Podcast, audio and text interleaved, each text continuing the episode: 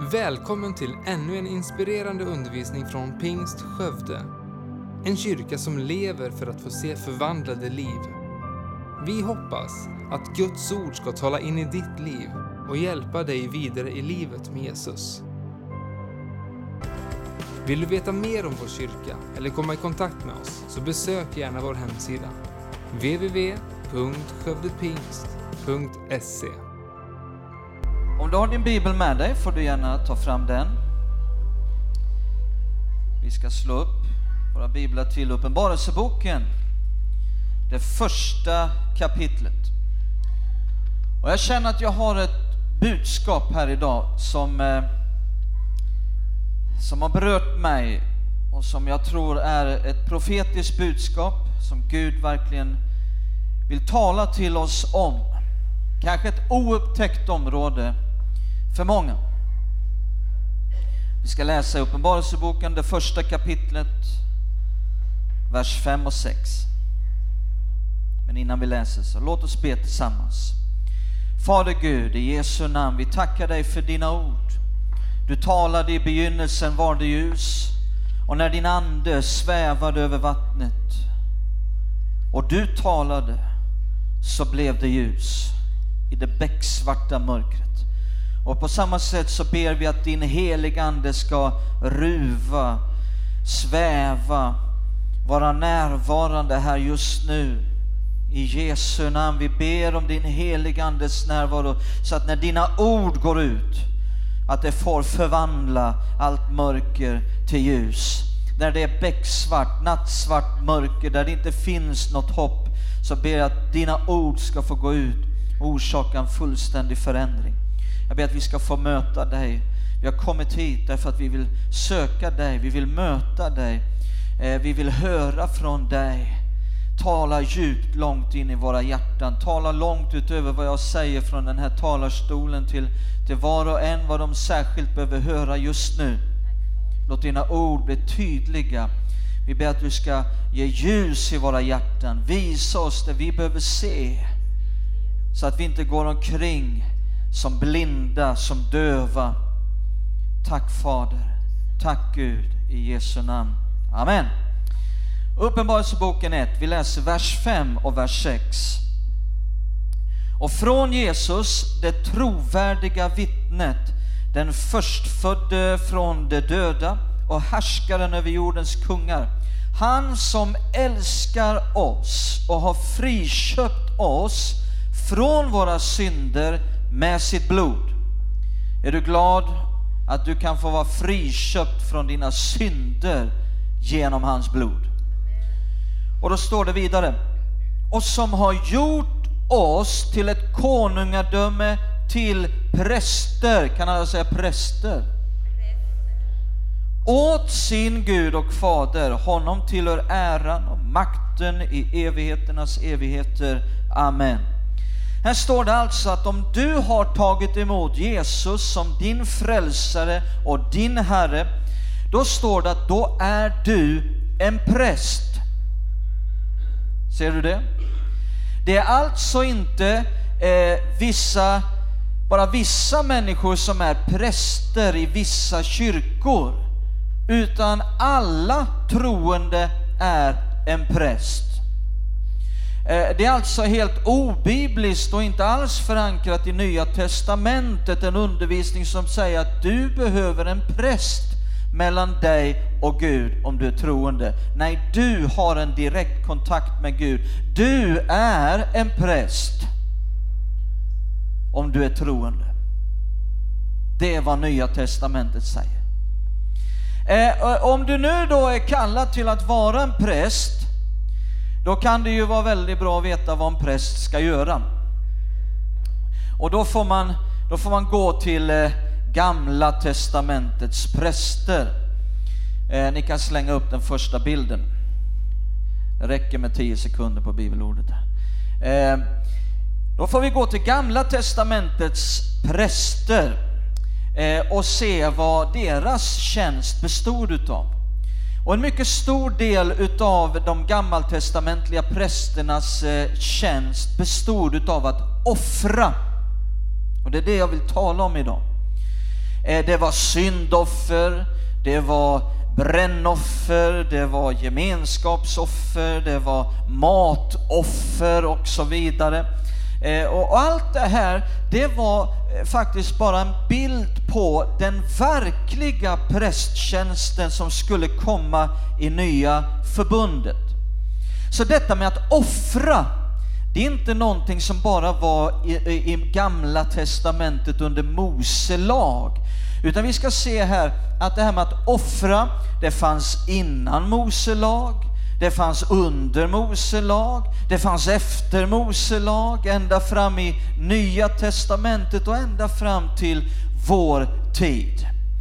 Eh, eh, så det här med offer eh, är alltså Guds vilja. Offer har en betydelse inför Gud. Offer är inte något som Gud är ointresserad utav. Nej, tvärtom. Gud ger faktiskt detaljerade instruktioner i sitt ord för hur detta ska gå till. Eh, så vi måste därför, om du nu är en präst, eh, så måste vi därför ta reda på hur vi kan frambära offer inför Gud som Gud tar emot. Det blir viktigt. Eh, därför att det, det, är inte så att eh, bara för att något offras att Gud tar emot det. Och därför vill jag tala om idag, min rubrik, mitt tema är offer som Gud tar emot. Offer som Gud tar emot. Ja, men skulle vi inte tala om trons hjältar och bla bla? Ja, vi kommer till det. Offer som Gud tar emot. Bara för att någonting offras betyder inte att Gud tar emot det. Eh, och, och, det här blir väldigt tydligt eh, om man studerar själva ordet offer. I den hebreiska texten, ordet för offer kan också betyda gåva. Och det är ju som en gåva att bara för att någonting ges betyder ju inte att det tas emot. Kanske du har upplevt det någon gång att du ville ge någonting men det togs inte emot. Eh, det finns alltid två sidor utav en gåva. Det finns den givande sidan, men det finns också den mottagande sidan. Eh, och studerar du det engelska ordet för offra, vad är det? Offer. Ja, i engelska så kan det också betyda erbjuda. Eller hur, ni som kan engelska? Erbjuda. Eh, bara för att en gåva erbjuds betyder inte att den tas emot. Eh, Gud tar inte emot alla offer bara för att något offras. Eh, nej, vi måste ta reda på hur kan vi ge ett offer på rätt sätt som Gud tar emot.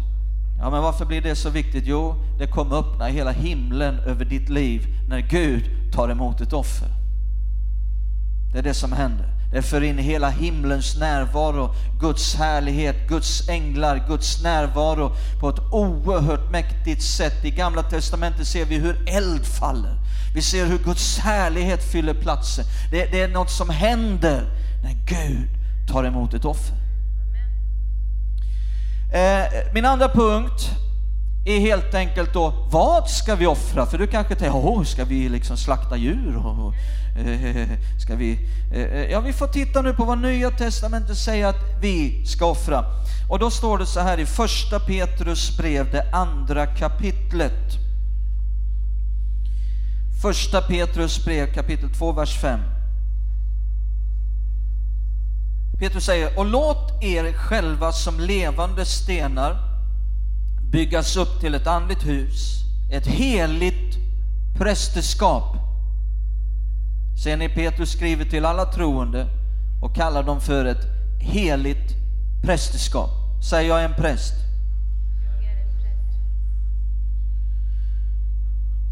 Då står det vidare. Som ska frambära andliga offer. Lägg märke till ordet andliga. Offer som Gud tack vare Jesus Kristus tar emot med glädje. Vad är det för offer som Gud tar emot med glädje enligt denna vers? Andliga offer. Ser du det? Ja, vad är då ett andligt offer? Ja, det är väldigt enkelt. Det är när du ger från ditt hjärta. När du ger i tro. När du ger i kärlek till Gud. Då blir det ett andligt offer.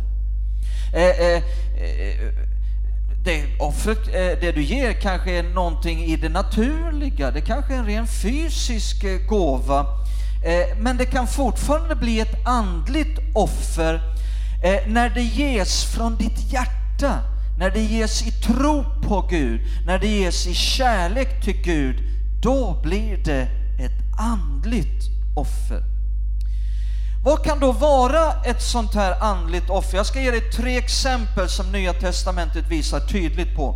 Titta i Hebreerbrevet 13. Ska vi göra det här mer praktiskt? Hebreerbrevet kapitel 13 visar på två stycken offer i de här verserna. Hebreerbrevet 13, vers 15 och 16. Då står det, och låt oss därför genom honom, genom Jesus, alltid hur ofta? På söndag? Under påsk? Till jul? Nej, alltid frambära lovets offer till Gud. En frukt från läppar som prisar hans namn. Och så kommer nästa vers. Och glöm inte att göra gott och dela med er, ty sådana offer har Gud behag till. Eh, så här ser vi två slags offer. Först ett lovets offer. En frukt ifrån läppar som prisar hans namn. Jag känner inte för att prisa Gud. Ja, men det är ju då det blir ett offer. Nej, men ni sjunger de inte de där sångerna jag vill sjunga. Ja, det är då det blir ett offer. Det blir ett offer. Kanske gör ont ibland. Jag brukar säga det är när du som minst känner för att prisa Gud som du som mest behöver. Vad, vad är lovets offer? Det är en frukt ifrån läppar som prisar hans namn. Det är att ge till Gud en gåva. Det är att ge till Gud lov och ära i tacksägelse, i lovsång, i tillbedjan, eh, tillsammans med andra eller i din ensamhet. Men sen så står det också i vers 16, kommer det andra offret, glöm inte att göra gott och dela med er. Det handlar eh, det alltså om att ge ekonomiska och materiella gåvor till andra människor eller andra sammanhang. Eh, och då kan det bli ett offer, ett andligt offer om det ges från ditt hjärta i tro på Gud och i kärlek till Gud. Eh, och så att fastän det här är en naturlig gåva då till en annan människa så kan det fortfarande bli en gåva samtidigt till Gud som Gud tar emot. Det var ju det naturliga, det var ju det fysiska, men Gud såg det som att han tog emot det. Ja, hur kan det bli det? Ja, vi kommer till det, vi bara ser nu vad de här offren är som Nya Testamentet talar om. Här kommer ett tredje offer i Romarbrevet kapitel 12.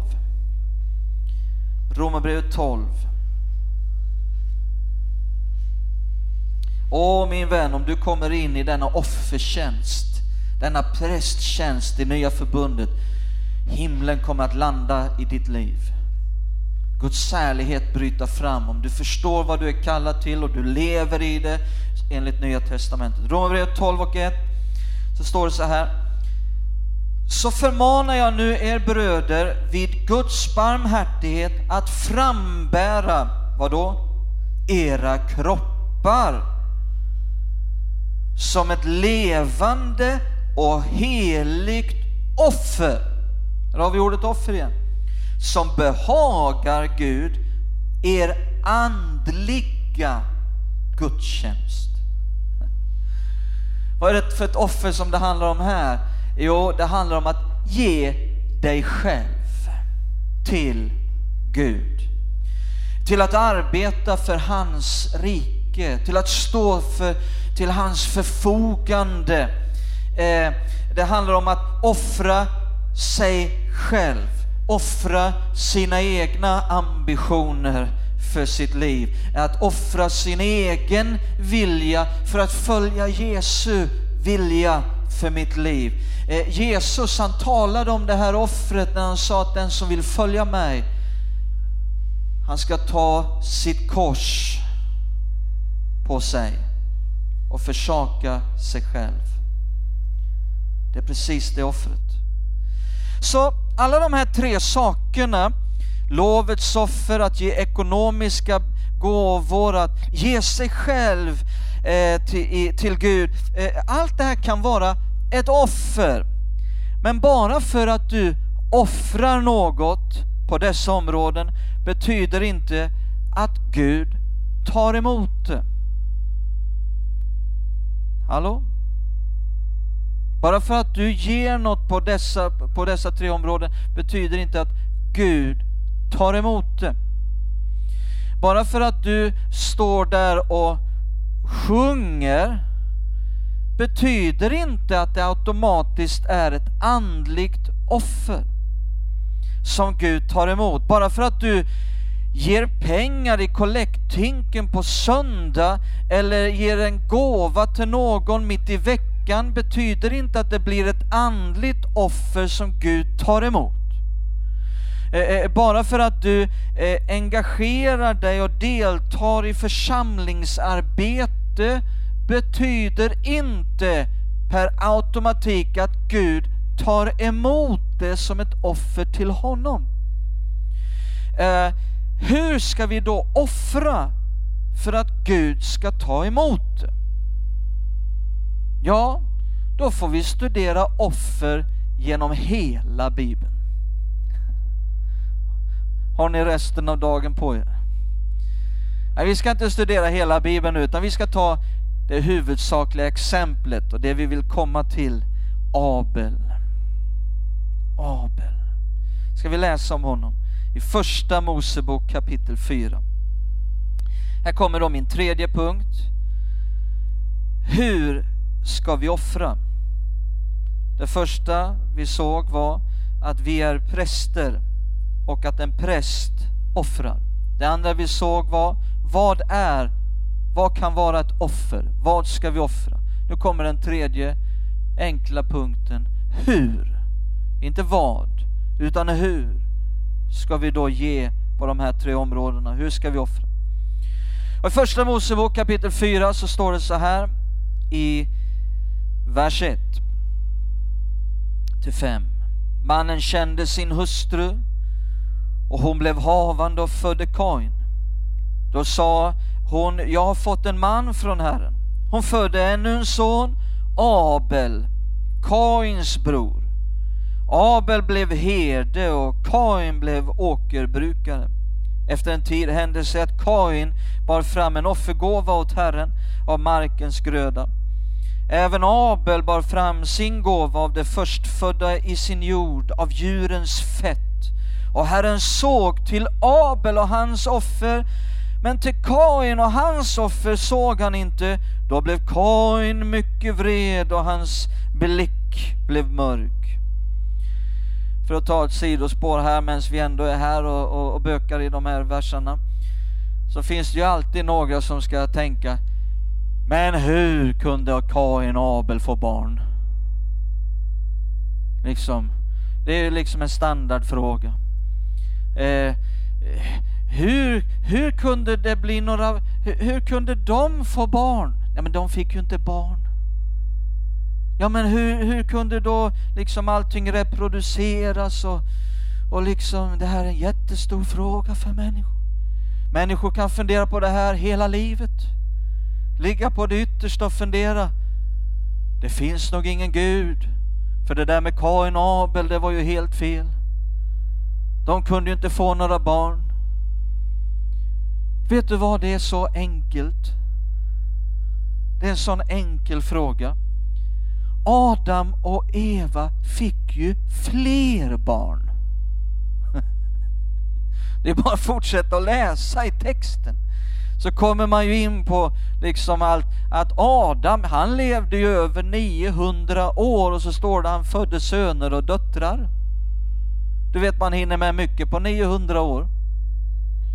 Jag har hållit på nu strax över 20 år, vi har ju en 5-6 barn redan. Tänker då liksom över 900 år, det blir en förfärlig massa barn. Söner och döttrar. Så det enkla är ju att de, hade ju, de gifte ju sig med varandra och fick barn. Ja men det är fel Sven! Man får inte gifta sig med sina syskon. Nej, nu ja. Och Mose lag dessutom förbjuder att syskon gifter sig. Eh, så nu är det fel och då var det fel under Mose lag. Men det var inte fel under första generationen efter Adam och Eva. Varför då? Jo, därför att, att det är fel idag är ju kanske av flera orsaker, men en stor orsak är ju att det blir ju genetiska fel. Eller hur? Allihopa här inne, vi har genetiska fel. Även om du nu trodde att du var perfekt så är det fel på dina gener någonstans. Men det märks inte så tydligt i det du reproducerar. om du gifter dig och får barn så märks inte det så tydligt därför att den du gifter dig med har oftast en perfekt gen där du har en felaktig gen så den perfekta tar över. Är du med? Och så rättar det till sig. Men om man då eh, får barn tillsammans med ett syskon som då bär på samma genetiska kod och samma genetiska fel, då får det utslag när man reproducerar. Och så blir det liksom sju tår istället för fem. är ni med? Det blir två näsor istället för, ja. Nej men, eh, så, så det är där. Men, men vet ni vad Adam och Eva hade perfekta gener. Så de här genetiska felen var inte där hos deras barn på samma sätt som nu eller på samma sätt som under Mose lag. Så därför var det riskfritt för dem. Det blev inte det vi kallar för inavel. Inavelsproblemen fanns inte där under första generationen. Så, hjälpte det någon? Det här sidospåret? Jag tar inget extra betalt för det, behöver inte vara orolig. Nu går vi vidare. Tänkte det kunde hjälpa någon som har suttit och funderat nu i 30 år. Kain Abel. Ja. Eh, så vad finner vi nu här då i de här verserna? Jo, vi finner de första offren i Bibeln. Både Kain och Abel bar fram var sitt offer. Det ena offret tog Gud emot. Det andra tog han inte emot. Varför tog då Gud emot Abels offer men han tog inte emot Kains offer? Och då är det genast någon som kanske tänker, ja men det förstår du väl Sven att, att Kain borde ju ha begripit att man ska offra ett lamm och att blod måste utgjutas. Han gav ju grönsaker och det tycker inte Gud om. Nej, jag ser inte det i de här verserna. Jag ser inte det, det står inte här. Det är en annan sak som är anledningen. Det var inte detta som var avgörande. Eh, både Kain och Abel gav utifrån sina yrken som de hade. De gav det de hade utifrån det. Huvudsaken hade inte med vad Kain gav, utan det hade att göra med hans hjärta. Det var fel i hans hjärta, hans hjärtas inställning. Eh, det fanns en, en halvhjärtad inställning. När man lägger ihop många olika bibelöversättningar som beskriver den här texten så ser man väldigt tydligt att Abel, han ville ge det första ifrån jorden, det förstfödda, eller bland alla de förstfödda. Eh, men han vill inte bara ge det första, utan många bibelöversättningar man tittar och studerar så ser man att han vill inte bara ge det första, han vill också ge det bästa. Det första och det bästa. Kanske att det var så här när Abel skulle offra till Gud, att han tittade ut över sin fårajord och bland lammen och så stod han där och tittade och ja, där har vi, där har vi fåret Rut. Och där har vi lammet Sten. Ja, Sten, det är ett, tycker om lammet Sten. Alltså, fint lamm och så har vi lammet Olga. Åh, jag tycker så mycket om lammet Olga. Fint lamm och så där. Det, eh, har ju lite fläckar där på, på sidan va, men jag tycker så mycket om Olga. Men sen har vi ju lammet Gulvi. Åh, Gulvi, tänkte Abel.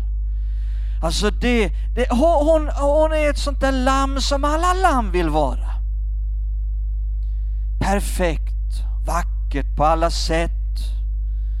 Det dyraste lammet jag har. Ett sånt där riktigt avelslamm.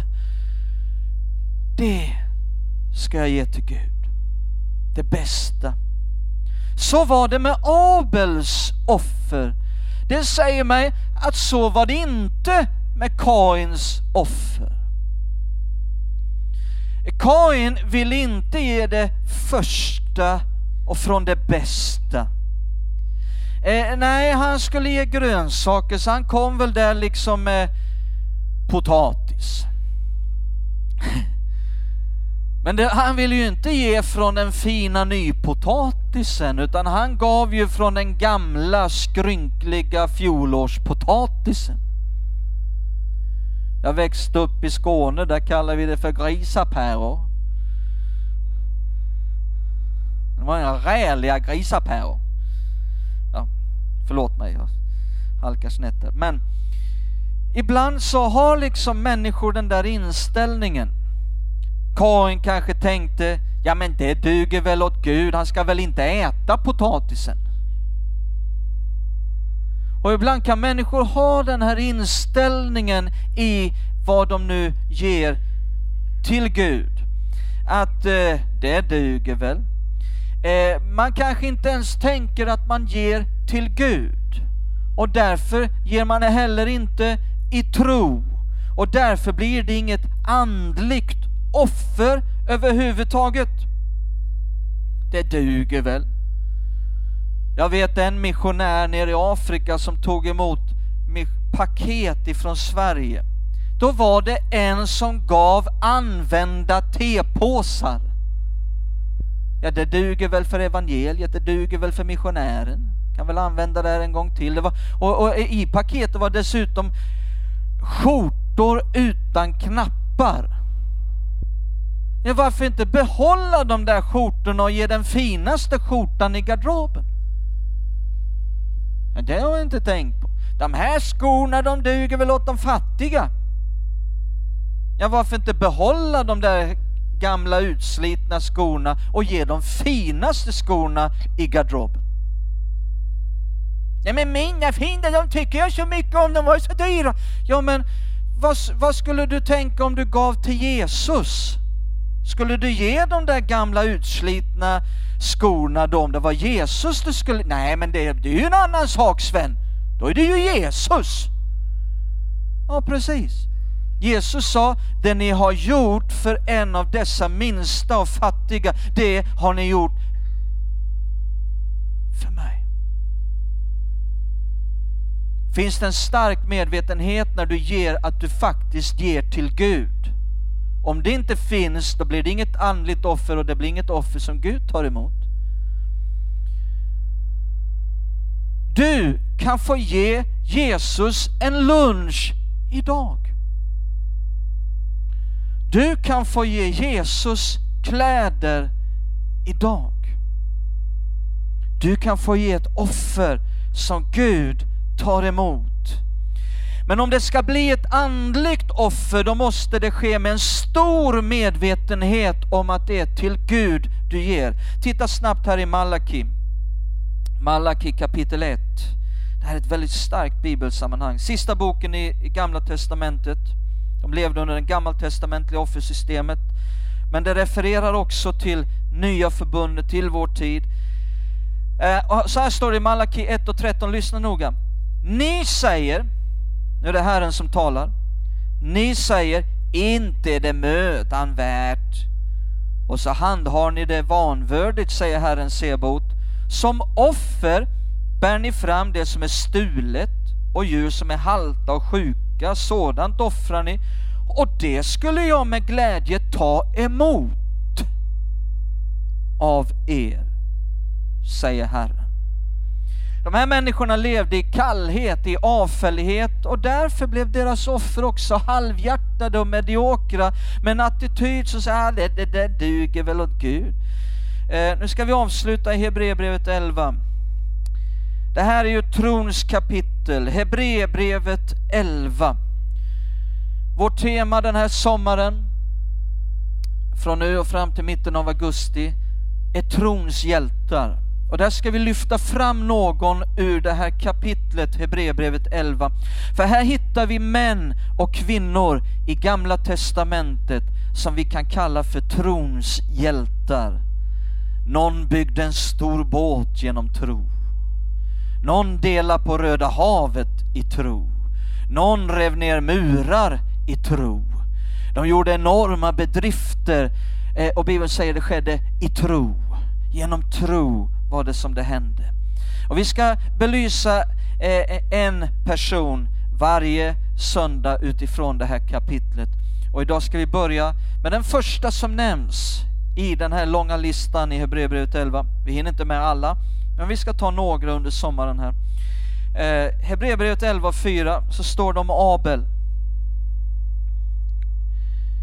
Genom tron bar Abel fram ett bättre offer. Vad är det som gör att det blir ett bra offer som Gud tar emot? Ett andligt offer? Tro. Tro. Och genom tron fick han det vittnesbördet att han var rättfärdig eftersom Gud själv bekände sig till hans offer. Och genom tron talar han fastän han är död. Han talar, Abel talar till oss idag. Är du med? Fastän han är död, han talar. Han talar än idag. Och han har ett budskap till oss idag om hur man offrar. Han gav i tro. Det vill säga han hade en stark medvetenhet om att han gav till Gud. Och då tänkte han, då duger bara det bästa. Hans offer blev ett andligt offer för att han gav från sitt hjärta i tro, i kärlek till Gud. Vilken inställning har du när du ger? När du ger av din tid? När du ger av din tid till att arbeta för Guds rike? När du är involverad i kyrkan i olika saker, är din inställning äh, jag får väl ställa upp och hjälpa dem där. Ja, då finns ingen medvetenhet om att det är till Gud du ger av din tid. Och då finns en risk att det blir halvhjärtat. Eller kanske att din inställning är på ett annat sätt.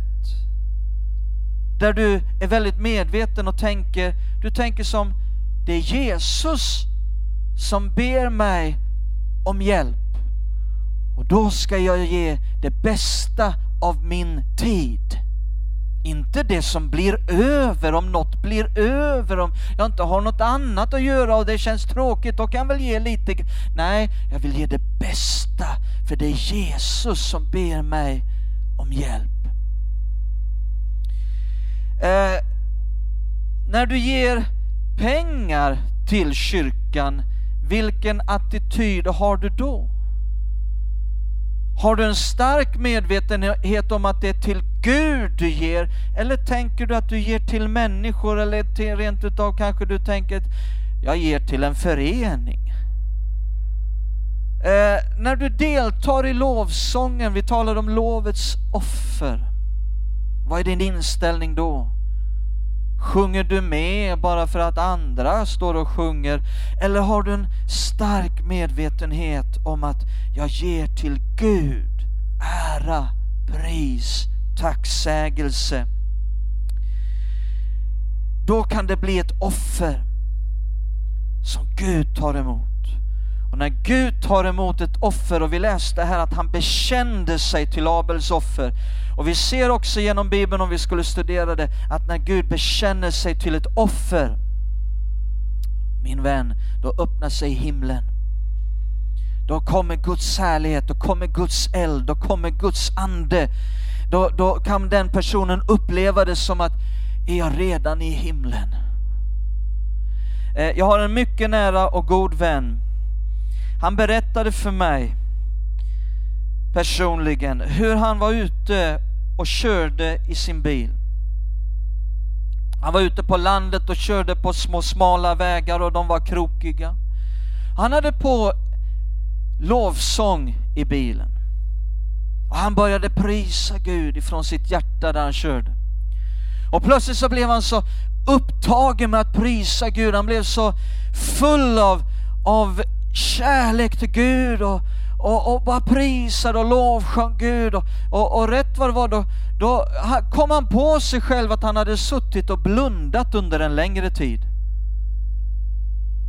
Så han blev, eh, liksom hajade till och öppnade ögonen och då såg han fyra stycken änglar i bilen. Lika tydligt som vi ser varandra. Han blev ju naturligt, håret stod ju nästan rakt ut i nacken på honom. Han blev ju, han blev ju rädd. Precis som många människor i, bil, i Bibeln. Eh, och då säger ju ofta änglarna, frukta inte. Därför att deras närvaro är så nästan förskräckande. Därför att det är en sån majestät, det är en sån auktoritet hos Guds änglar. Han såg fyra stycken änglar, en satt bredvid honom. Han tittade i backspegeln, där satt tre i baksätet. En av dem tittade rakt på honom. En av dem var så stor så hans huvud sköt upp genom taket i bilen. Och då blev han så rädd igen så han blundade. Han vågade inte titta. Och så tänkte han, jag måste ju titta när jag kör. Och sen efter en stund hade de försvunnit. Men det var en sån närvaro av himlen. För det blev ett offer som Gud tog emot. Tack för att du lyssnat. Titta gärna in på vår hemsida www.skövdepingst.se för att få veta mer om oss. Och glöm inte att du alltid är välkommen till vår kyrka